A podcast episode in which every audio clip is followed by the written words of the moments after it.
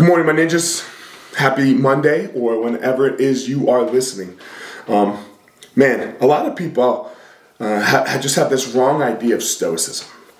We think that Stoicism is this idea that you don't feel, you just beat them down. And I know I've been talking about this choice that we all have, right? We've been talking about this choice that we all have to when we wake up in the morning and, you know, get into your feelings or not.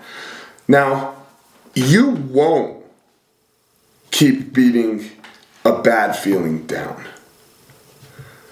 You can do it sometimes. You know, like Michael Jordan could play the flu game once.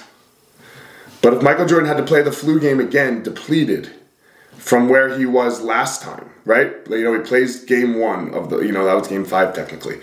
You know, but so if he has to play game six like that, which is the next day, and then if he's got to play game seven like that, which is, you know, two days later, and just imagine the games just keep going like our days keep going.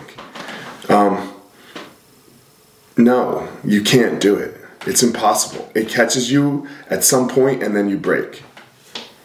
I know from experience. Not with the flu game, but with my feelings.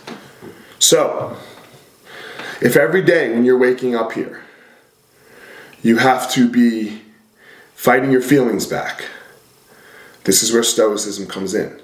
Stoicism is all about noticing your feelings, paying attention to your feelings, waking up immediately and dealing with your feelings, not beating them down.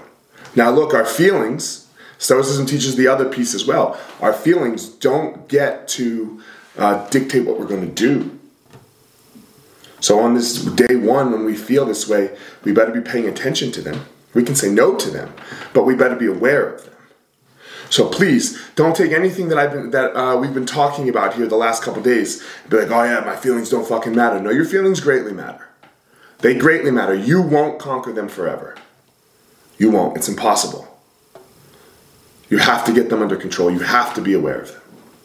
That is the other piece that's going to allow you to get where it is that you want to be going so you can discover your passion, find your power, and go give your purpose to the world, my ninjas.